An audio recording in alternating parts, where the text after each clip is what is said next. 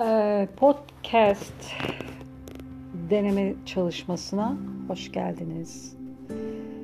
Uzun uğraşlardan sonra cep telefonundan podcast yapabilir miyim sorusunun cevabını şu anda hep birlikte alıyor olacağız. Ee, bu podcastlerde ben e, öykü, hikaye anlatımları, şiir okumaları e, ve günlük dertleşmeler e, şeklinde yapmayı planlıyorum. E, bakalım başarılı olabilecek miyiz? Hep birlikte deneyip göreceğiz. E, ilk önce bugün bir şiir okuyayım size. Gülten Akın'dan yılın şairi seçildi kendisi. Dolayısıyla onun Sardunya isimli şiiriyle başlayalım derim. Sardunya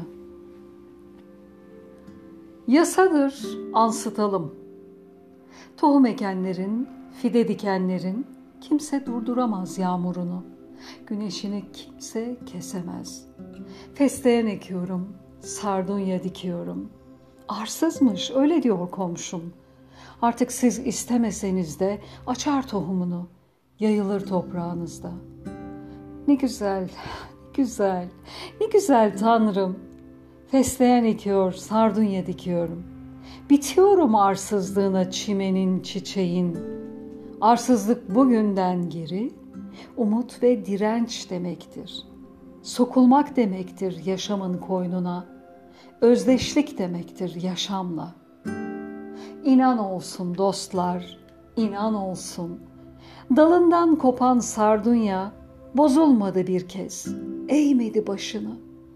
Açmayı sürdürdü diktiğim toprakta. Teşekkürlerimle